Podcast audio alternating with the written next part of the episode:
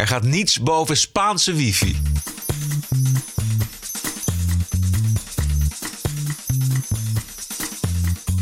This is the TPO podcast. Ranting and Reason.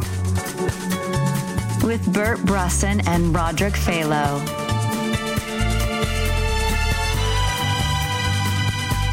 De Post Online, Geen Stijl en WNL krijgen geen toegang tot de herdenking van de februari-staking in Hilversum. En burgemeester Pieter Broertjes blijft weg uit protest daartegen. Nederlandse acteurs die geven graag politieke statements af. Trump-auteur Michael Wolff valt door de mand in Sydney. En Maurice de Hond peilt 15 zetels voor Forum voor Democratie. Aflevering nummer 56. This is the TPO podcast. Maar eerst het noodweer op de Canarische eilanden. Onze correspondent is ter plaatse. Bert, kom er maar in. Ah, het was heel zwaar. Vandaag weer heel zwaar. Ja. Ik had ehm, ah, in de schaduw nog wel te doen, maar in de zon is het al snel 25, 26 graden. Ja. Dus, dus je begrijpt, het dat is, het geen noodweer. pretje. Nee. nee maar we- de- de- er konden vliegtuigen niet opstijgen, niet landen. Eh, Mensen zaten vast op hun eh, vakantieadres. Wat, is daar, wat heb je daarvan gemerkt? Ja, helemaal niks. Eh, hier was het. eh, er trok een buienfront over de eilanden. En die trof vooral eh, Tenerife. En Tenerife heeft ook altijd het meeste last, last van de extreemste weersinvloeden. Aha. Maar daar hebben ze eh, de eh, vliegtuigen uit Europa, die eh, landen, de toeristvliegtuigen landen allemaal op Tenerife Zuid. Dus ze hebben er maar één start- en landingsbaan. Dus je hebt maar twee richtingen, of één, één richting om tegen de wind in te landen. Dus dat is wel vaak zo dat je op Tenerife even niet kunt landen. Dan moet je uitwijken of wachten. Ja, waar moet je dan naartoe uitwijken? naar een van de omringende uit- eilanden. Maar volgens mij was het zo dat er de- dat hele front. Dat zat ook al voor Lanzarote. Dus eh, die vliegtuigen konden gewoon eh, niet naar Lanzarote toe. Omdat ze om dat buienfront heen moesten Oh, vliegen. Ja, ja. Dus Lanzarote had, de- had de meeste omgeleide vliegtuigen. En wat je dan krijgt, is dat sommige vliegtuigen is Marokko dichterbij. En eh, die ligt dan wel open. Dat de andere eilanden, die zitten al heel snel vol. Als je, eh, want je hebt maar heel weinig ruimte in de lucht hier. Je hebt ook maar heel weinig ruimte op het vliegveld. ja. Eh, jij had dus verder geen last van het noodweer. Nee, dat was eigenlijk helemaal niet echt noodweer. Het was ook een, echt een zeurverhaal van de Telegraaf. Ik heb ook, ik heb ook gecheckt. eh, op, op Lanzarote zijn inderdaad een, eh, een, een, nou, on- onder, de, onder de tien, een getal van onder de tien vliegtuigen uitgeweken. Eh, op Gran Canaria geloof ik twee, op de andere eilanden één of zo. Dus het viel allemaal heel erg mee. En ja, je, kijk, eh, met het punt is natuurlijk, als je drie vliegtuigen hebt, dan heb je meteen 600, 700 man Ja. die, die de dupe zijn. Ja, precies. Het is eh, vandaag maandagavond, 26 februari. eh, gedenkwaardige avond, want eh, het nieuws komt net binnen dat Mies Bouwman is overleden op 88-jarige leeftijd. Dat is toch voor onze generatie een televisie-icoon die er niet meer is. Heb jij nog een, een bijzondere herinnering aan haar? Voor mij net iets minder, want ik ben van de generatie van na open het dorp. En dat Ja, soort dat dingen. ik ook. Ik ook. Maar ik ben wel van de generaties de lopende band. In de hoofdrol, deed In- ze ook. En in de hoofdrol, precies. Ja. Ja, nee, ik ken haar ook wel, maar het is echt van, voor de babyboomers is het echt zo'n icoon. Want het, Ja. toen was in de tijd dat er nog nauwelijks televisie was, en dat dan heel Nederland ook naar Mies Bouwman keek. Eh, de moeder van de Nederlandse televisie. Dus ze zal eh, uitgebreid herdacht worden de komende dagen op de Nederlandse Nou. televisie. Laten we kijken naar wat er nog meer speelt vanavond. Eh, gisteren was in Amsterdam de februari-staking, herdenking. En vanavond is die in Hilversum. En media als de Post Online, Geen Stijl en de publieke omroepen WNL en Poont... die worden geweerd door de organisatie. En burgemeester Pieter Broertjes van Hilversum... die zal uit protest daartegen eh, niet aanwezig zijn. Hij twitterde het volgende. Ik ben uit protest niet aanwezig tijdens de herdenking van de februari-staking... op de Kerkbrink in Hilversum. Wat vind je van zo'n reactie van Broertjes?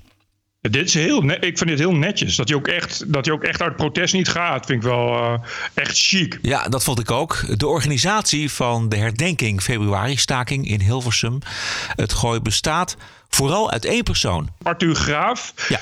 En het is, wat is het, eh, het, het NVFF of zo, het eh, Nederlandse Federatie van Antifascisme of zoiets, hoe dan ook.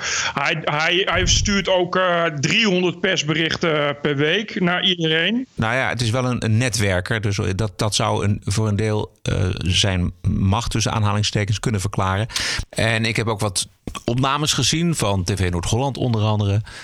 En het lijkt me een ingewikkelde man is om samen mee te werken. En eh, volgens mij Pieter Broertjes, die heeft ook, uh, nou ja, die heeft gezegd: uh, ik heb er geen zin meer in. En zeker niet als je dit soort maatregelen neemt. Nee, maar, de gemeente Hilversum twitterde ook van ja, we hebben geprobeerd uh, er samen met hem uit te komen, maar dat lukt ook niet. En die staan daar, want die zeiden ook van ja, wij, wij staan er ook verder niet achter. En het is ook, ik, ik heb me er ook niet op opgewonden of zo. Nee. Want uh, ja, het is gewoon een gekkie. En uh, ja, wij, wij lachen er gewoon een beetje om. Bovendien, als je nou Tom Staal en de jongens en meisjes van Poont ergens naartoe krijgt, dan is het wel naar een bijeenkomst waar ze niet gewenst zijn. TPO Podcast. We kennen ze natuurlijk, Bert, uit uh, Hollywood. Maar Nederlandse acteurs die hebben ook politieke boodschappen. We hadden afgelopen dagen hadden we Berry Atsma. Hij speelt uh, in een nieuwe film over de Tweede Wereldoorlog. En hij zei: Het blijft belangrijk om verhalen te vertellen over burgers met uitzonderlijke moed. Juist in deze tijden van nepnieuws. En met Wilders en Baudet die maar van alles uitkramen.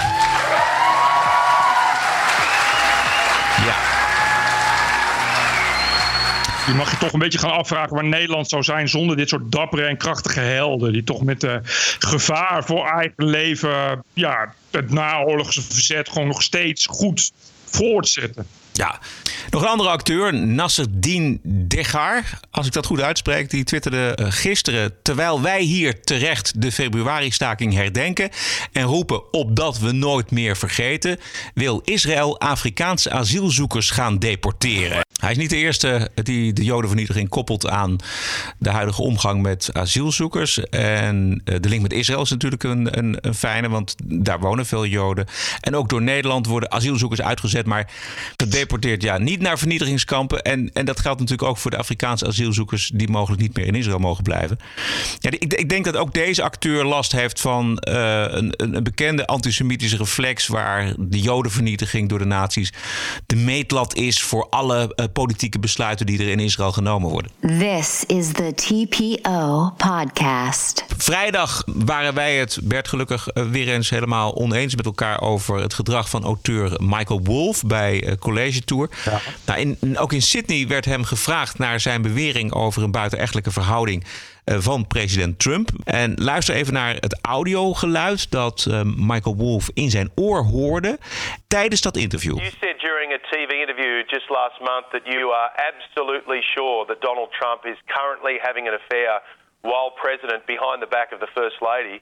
And I repeat, you said you were absolutely hold, hold, I, sure. Yeah, I can't. Last week, however, you backflipped I, and said, I quote, I do not know if the president is having an affair. Do you owe the president and the first lady an apology, Mr. Wolf? I, I can't hear you. maar ook precies op het goede moment zeggen: I can't hear you.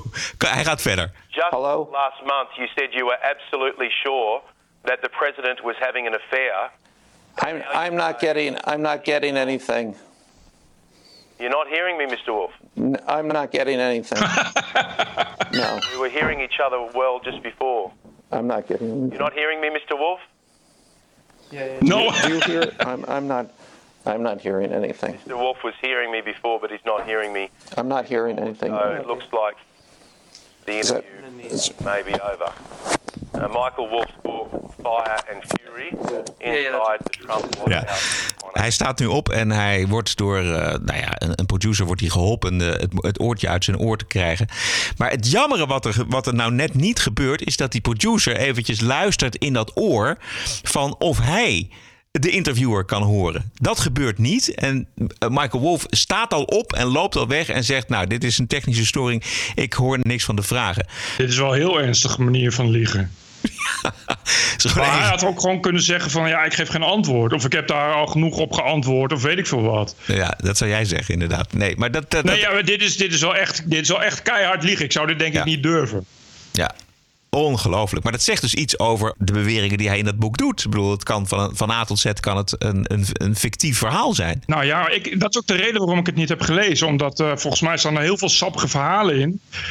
Waarvan je dan denkt van nou, ik hoop eigenlijk dat het waar is. Terwijl je dan op gelijk moet denken van er is helemaal niemand die me dat kan bevestigen. Wat ik niet snap trouwens, is het, hoe, hoe reageert het Witte Huis hierop? Kunnen ze hem niet soeën of zo? Of, of negeren ze het? Of, want, want, want het begint nu toch wel op te lijken inderdaad dat hij nou, we hadden dat toch wel gewoon bij, bij elkaar even verzonnen. Nou Wat toch wel heel ernstig is volgens mij. Ja, dat is ook heel ernstig. Maar het, het, het, lastige is volgens mij, maar ik ben geen jurist, uh, dat hij zegt: ja, ik heb gehoord dat en ik hoorde in de wandelgangen dat en dat is bevestigd door meerdere mensen. Nou ja, zeg maar zoals die hele collusion, uh, dat collusion verhaal rond Trump is opgebouwd van heersay, heersay. Ja. Uh, ja, daar heeft hij natuurlijk op meegedeinst. En hij dacht van, nou ja, de, Amerika en de rest van de wereld is zo anti-Trump. Ik schrijf gewoon wat ik opschrijf.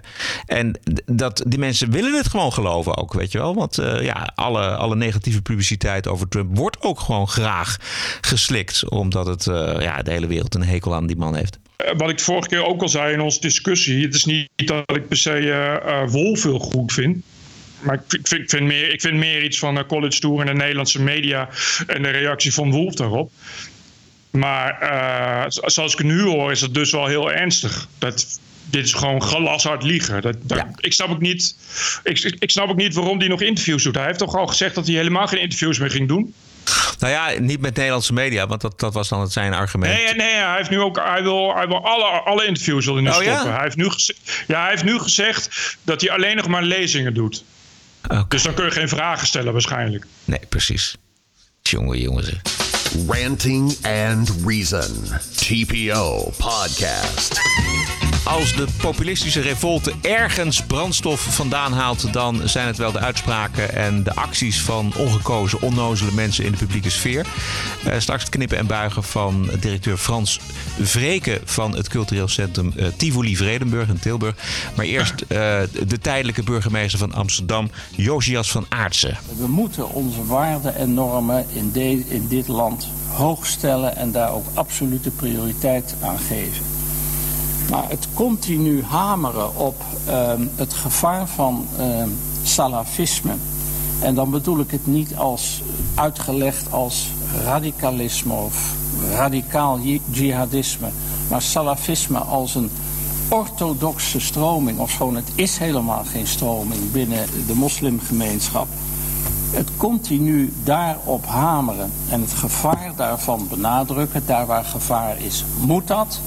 Maar in het gros van de gevallen zijn ook mensen in meer orthodoxe uh, moskeeën helemaal niet en in geen enkel opzicht geneigd tot radicale daden. Nee, dit is de, de tijdelijke burgemeester van Josias van Aert. Hij zit er nog volgens mij tot 1 augustus. Maar tot die tijd uh, zit hij er wel. Ja, dit heeft toch iets uh, naïefs. Uh, zeker met de problemen die er zijn met salafistische moskeeën in Amsterdam, Bert. Ja, het was natuurlijk al bekend dat Josias van Aartsen... ook de manier waarop hij Den Haag geregeerd heeft destijds... als burgemeester van Den Haag. je kan kennelijk een gevaarlijke, levensgevaarlijke stroming... als het salafisme niet genoeg hand raken. En uh, je kan niet genoeg uh, bukken zodat mensen over je heen kunnen lopen. Mogen blij zijn dat we nu uh, deze koning van het partijkartel in het Amsterdamse midden hebben. Ja. Alles wat erna komt is toch beter, zal ik maar zeggen. Zelfs als het Femke Halsema wordt, dan zit je nog beter dan met deze clown. Ja, je vraagt je af waarom Van Aartsen zijn oor niet te luisteren heeft gelegd bij iemand uit Amsterdam die het echt kan weten. En dat is de burgemeester van Arnhem, Ahmed Marcouch. Salafisme aan zich is natuurlijk al een lange tijd uh, reden tot zorg. Ik hoor al heel lang uh, natuurlijk over intimidaties en over frustraties binnen die, dit, dit soort moskeegemeenschappen. die ontzettend te lijden hebben onder um, ja, intimiderende en agressieve salafisten die moskeeën proberen over te nemen. Belangrijk is, is dat moskeegemeenschappen zich ook verweren en uitspreken tegen het salafisme. Omdat dat gewoon een gevaar is voor onze kinderen. Dit staat dus haaks op wat Van Aartsen zegt. Ja, dit is, dit is eh, de realiteit. En die staat inderdaad volledig haaks op uh, de verzonnen realiteit van uh, Josias van Aartsen. Dat klopt. Ja. Uh, iemand als Machtel C heeft dat natuurlijk ook uitgebreid onder, onderzocht. die, die, die, die ziet toch ook dat daar binnen die democratie zich dat ook gevestigd heeft. Dat salafisme, dat wordt door het wahhabisme vanuit Saoedi-Arabië met oneindig veel geld, oneindig veel geld van olie ondersteund. Uh, vanuit Saudi-Arabië komen elk jaar miljoenen dollars ook naar Nederland om salafisten, salafistische moskeeën te ondersteunen. En dat is iets wat we liever niet willen zien, omdat dat natuurlijk een levensgroot probleem is. Op het moment dat ze dat moeten zeggen, uh, ja, is het natuurlijk weer koren op de molen van de verkeerde politie. Je kent het allemaal wel. Ja. En wat, wat, waar Van Aert het over heeft, die, die zegt dan van ja, niet alle salafisten zijn terroristen. Maar dat is volgens mij ook niet eens het allergrootste probleem. Het allergrootste probleem is dat uh, salafistische gemeenschappen en salafistische moskeeën zich juist heel erg afzonderen van de rest van de samenleving. Dus er kan van integratie geen enkele manier sprake zijn. En Saskia Dekkers van uh, Nieuwsuur heeft daar een hele mooie reportage over gemaakt, die veel heeft losgemaakt. Laten we even een kort stukje luisteren. Abdel wil als salafist de maatschappij islamiseren. Trap is in twaalf jaar veranderd. En de islam is zichtbaar. Overal. Op elke hoek staan collectanten van de UMT van de grote moskee. Er wordt in de gaten gehouden wie geeft en wie niet. De stad Trap is net zoals veel andere banlieues een aparte samenleving geworden. Daar was in 2007 nog weinig van te merken. Toen zag ik zomerse kleren en blote armen. Nu hoor ik dat vier van die zeven vrouwen zwaar gesluierd zijn en niet meer willen praten. De Parijse voorsteden zijn dit. Daar gaat het om, Van Aartsen. Uh, absoluut. Het, is, het salafisme is per definitie afkerig van de uh, democratische maatschappij zoals wij die kennen. En van de westerse normen en waarden. En op het moment dat je in de greep bent van het salafisme, ben je volledig afgekeerd van de maatschappij en onbereikbaar ook. Ja, dan Frans Vreken, hij is directeur van eh, Tivoli Vredeburg. Hij kreeg een uh, dreigtelefoontje van de linksextremistische club De Grauwe Eeuw... om te stoppen met het kinderfeest Cowboy en Indiaantje spelen. We hebben uh, dat, daar niet goed over nagedacht, over dat thema. Uh, we zullen dat ook uh, volgende keer zorgvuldiger doen. Want we zijn helemaal niet blij met deze ophef. Het zijn eigenlijk maar vijf mensen van de Grauwe Eeuw. Maar die hebben voortdurend gebeld bij, deze, bij deze man, bij deze Frans Vreken, aangebeld. En gezegd, je moet stoppen met die feestjes. En hij heeft uiteindelijk toegegeven. Ik, ik, begrijp nu dus dat hij gewoon gezwicht is voor de intimidatie. Ja, de Grauwe Eeuw heeft nog wel uh, een aantal keren opnieuw contact opgenomen. Wij moesten en zouden veel heftiger en veel uh, ja, maar duidelijker dus afstand nu? moeten nemen. En nu is er binnenkort een boekpresentatie van Huska Zuma. En die uh, is ook weer gebeld door de, door de Grauwe Eeuw. Met weet je wel dat je in een racistische tent gaat spreken. dus die heeft ons ook weer gebeld van jongens, wat is er aan de hand? En hebben jullie afstand genomen van, die, uh, van dat uh, thema? En daar hebben we gezegd, ja, hebben we gedaan. Zie je? Zo werkt het dus. Onvoorstelbaar dit. Zo werkt terreur en de macht van extreem linkse organisaties is in hoeverre daar aan wordt toegegeven. En deze man geeft de grauwe eeuw, dit uh, obscure clubje, gewoon carte blanche. Ja, je mag toch ook dat van eigenaren van dit soort uh, zalen en, en uh, debattempels of poptempels, weet ik veel wat, verwachten dat ze iets meer ballen hebben. Misschien kan deze man op stage bij Juri Albrecht van de Bali. Ik heb me zo verbaasd over de toeschietelijkheid van deze Frans Frans Vreken. De, hoe, hoe bestaat het? Hoe kan hij? Ook hij gaat binnenkort, uh, wordt hij vervangen. En dat wordt, uh, dat wordt natuurlijk ook tijd. Maar de, hoe kan iemand zo door de knieën gaan voor, voor vijf mensen? TPO Podcast. Al weken pompt Vrij Nederland een promo door het Facebook. En die gaat maar door. We weten allemaal dat we leven in een tijd van information overload. En lang heb ik gedacht dat het de taak van de journalist was om in die berg informatie het kaf van het koren te scheiden. Ja, dit is Wart Wijndels, uh, hoofdredacteur van Vrij Nederland. Bert, jij hebt die uh, reclame, die promo natuurlijk ook gezien op Facebook. Ja, ik heb er nog een topic van gemaakt. 80% wordt anders. En uh, ze gooien ook alle columnisten eruit. Wat ik een heel goed streven vond. Dat je eindelijk, nou pak een beetje 40 jaar na de karaktermoord op professor Buikenhuizen. Eindelijk je eigen columnisten over de kling jaagt. En daarna zag ik dat filmpje. En daar heb ik dan ook wat over gemaakt. Dat ze daar inderdaad 40 jaar na nog, Buikenhuizen nog helemaal niets veranderd zijn zijn. Integendeel, het is alleen maar erger geworden. Het is natuurlijk vooral een, een manier om uh, het hoofd boven water te houden. De, die, die columnisten kosten ook allemaal geld. Dus ze gaan een andere manier van journalistiek bedrijven. Het grote probleem wat ze dan bij de horens pakken is toch nepnieuws. Mede door nepnieuws over inentingen krijgen jonge baby's de mazelen. Puur omdat ouders van andere kinderen weigeren om hun kroost in te laten enten. Mede door nepnieuws over het klimaat kijkt een flink deel van de Nederlandse bevolking met sceptisch naar de evidente en door mensen veroorzaakte opwarming van de aarde. Mede door nepnieuws worden Nederlanders bang gemaakt voor terroristen die niet bestaan. Ja, Bert. En wat doet de journalistiek? Er is anno 2018 kortom niet alleen een teveel aan informatie. De berg beschikbare informatie is ook nog eens minder betrouwbaar dan je zou willen. En hoe gaat de journalistiek hiermee om? Te vaak niet zo best. Talkshow-redacties nodigen vaak beide kanten uit. Vreselijk. Beide kanten. Dat je van een geluid dat je verschillende kanten hoort. Dat je ook nog objectief overkomt. Dat moeten we niet willen. Ja. En dat is ook het fijne van mensen als Bart Wijnolds. Die weten exact wat de waarheid is. Dus wij als domme burgers hoeven dan ook niet meer langer te twijfelen. En dan eh, hoeven we ook niet meer de hele tijd verschillende meningen aan te horen. Want dat zaait alleen maar twijfel in onze hoofdjes. We kunnen dan gewoon voortaan aan Bart Wijnolds vragen van hoe zit het? Nou, als hij dat dan zegt, dan is het gewoon zo. En, dit is dan de conclusie van, uh, van, van Bart. Laten we minder lezen, maar beter lezen. Minder ah. lezen, beter lezen. Ja, je kunt ook zeggen, Bert, je kunt ook zeggen van nou, we, we heffen gewoon Vrij Nederland helemaal op. Dan hebben we sowieso minder te lezen. Dat, dat, dat lijkt me een heel goed idee voor, voor de waarheid. Eigenlijk voor iedereen. Ik denk dat daar iedereen het meeste winst uit haalt. Ook. En Blad Vrij Nederland heeft dit natuurlijk gewoon afgekeken van de correspondent. Want alles wat die Wart Wijnald zegt is, is gewoon echt een kop, één op één een kopie van de correspondent. Wat ook een reden is waarom hij het natuurlijk. Want volgens mij gaat hij het vooral online doen. Maar dat kan hij natuurlijk vergeten. Die, die uh, Rob Wijnberg die is natuurlijk een miljoen keer beter in het verkopen van dat soort shit dan die hele Bart Wijnolds. Die Bart Wijnolds heeft al twee keer eerder een projectje gehad. Wat hij uh, nogal hard in faalde. Dus daar geloof ik helemaal niets van. En verder, uh, ja, het is pure wanhoop. Heb jij de laatste poll van Maurice de Hond gezien? Dat was zondag en ik zag alleen dat er heel veel verkeer op binnenkwam op TPO. Dus dat is goed. Oké, ik zal het eventjes zeggen. Maurice de Hond die, die peilt eh, winst voor Forum voor Democratie. 13 zetels erbij gekregen. Uh, staat nu op 15 zetels. De SP heeft er twee gekregen. Um, de, de, PVV verliest er zes. En D66 verliest er ook zes. en het CDA verliest er ook zes. En de VVD verliest er 7.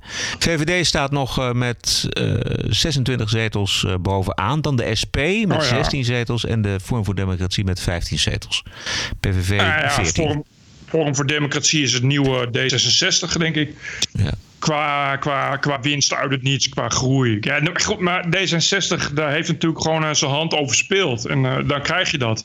Even een verkiezingsmomentje voor uh, Kuzu van Denk. Ik weet niet of je dat gevolgd hebt, maar hij eist van Tweede Kamerleden en gemeenteraadsleden van Turkse Komaf dat zij, zoals hij zelf zegt, uh, laten zien aan welke kant ze staan. Ik denk dat hij bedoelt aan welke kant, aan de kant van Turkije of aan de kant van Nederland.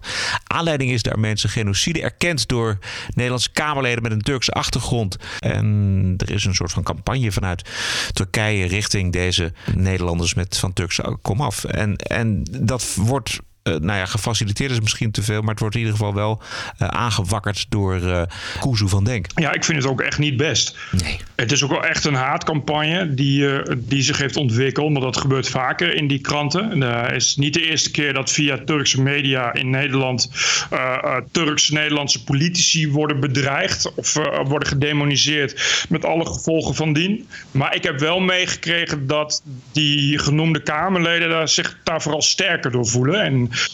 er is ook volgens mij unaniem uitgesproken dat dit ook echt niet kan. Dat iedereen staat ook gewoon wel achter die Kamerleden. Ja, dat vind ik ook. En dat vind ik ook een goed teken. Uh, ik denk dat Kuzu het bedoeld heeft als een manier om de Nederlanders van Turkse komaf... dat ze zeggen van, nou ja, je moet wel bij denk zijn als je een echte Turk wil zijn. Want dit, die, die Armeense genocide, die ligt natuurlijk buitengewoon gevoelig eh, bij alle Turken volgens mij. Nou ja, precies. Hij probeert natuurlijk gewoon zieltjes mee te winnen. Ja. Door, door, door te zeggen van kijk, ik begrijp het wel. Ik ben, ik, ik ben en blijf een sterke, trotse Ottomaan. En onze genocide was gewoon een soort van kwestie van genocide. Uh, en mensen die uh, daar, uh, net als ik, achter willen staan, moeten bij mij zijn. En ja, hij wil zich natuurlijk daartegen afzetten. Maar dit is natuurlijk geen manier. Dit is natuurlijk een kwalijke manier. en het geeft toch wel weer een beetje aan wat een wolf in schaapskleren dat denk af en toe is. Het is toch, toch niet helemaal lekker fris, vind ik. Precies. Een glimp van het, van het karakter en de manier van doen van deze koers krijgen we als we kijken naar een beroemde aanvaring met Kamervoorzitter Ariep van de Partij van de Arbeid en van Marokkaanse komaf. Uh, het hoeft niet, voorzitter, maar ik wil toch een punt van orde maken. Ik merk bij u een bepaalde irritatie. Ach, hou toch op met dit soort ik opmerkingen. Ik ga een punt van orde maken, voorzitter. Ja, het is um, als u vermoeid bent, u bent de hele dag een debat aan het voorzitten. Ik snap dat u vermoeid bent, maar ik vraag u toch wel om normaal een debat te kunnen voeren met de staatssecretaris. En ik vraag u om met respect tegen mij te spreken. Nee, u krijgt niet het woord. En als iemand hier vermoeid is, dan bent u het wel. Ik zou zeggen, ga lekker naar huis om uit te rusten. Mevrouw van Tongeren. Nee, u krijgt niet het woord. Nee, u krijgt niet het woord. U krijgt niet het woord. U krijgt, ja, ik bepaal wie hier het woord krijgt. Nee, precies. Mevrouw van Tongeren. Dit was toch wel het hoogtepunt, vind ik, uit haar carrière. Ik vond wel dat ze hiermee liet zien toch wel echt ook een goede voorzitter te kunnen zijn. absoluut, ja. Oké, tot zover deze aflevering. Bert vliegt donderdag weer terug. Dan kan hij nog uh, net een stukje Siberische kou meepikken hier. Wij zijn terug dinsdag 6 maart. Dan zitten we weer gewoon naast elkaar. Heb een mooie week en tot de volgende. TPO Podcast. Bert Brussen, Roderick Balo. Ranting and Reason.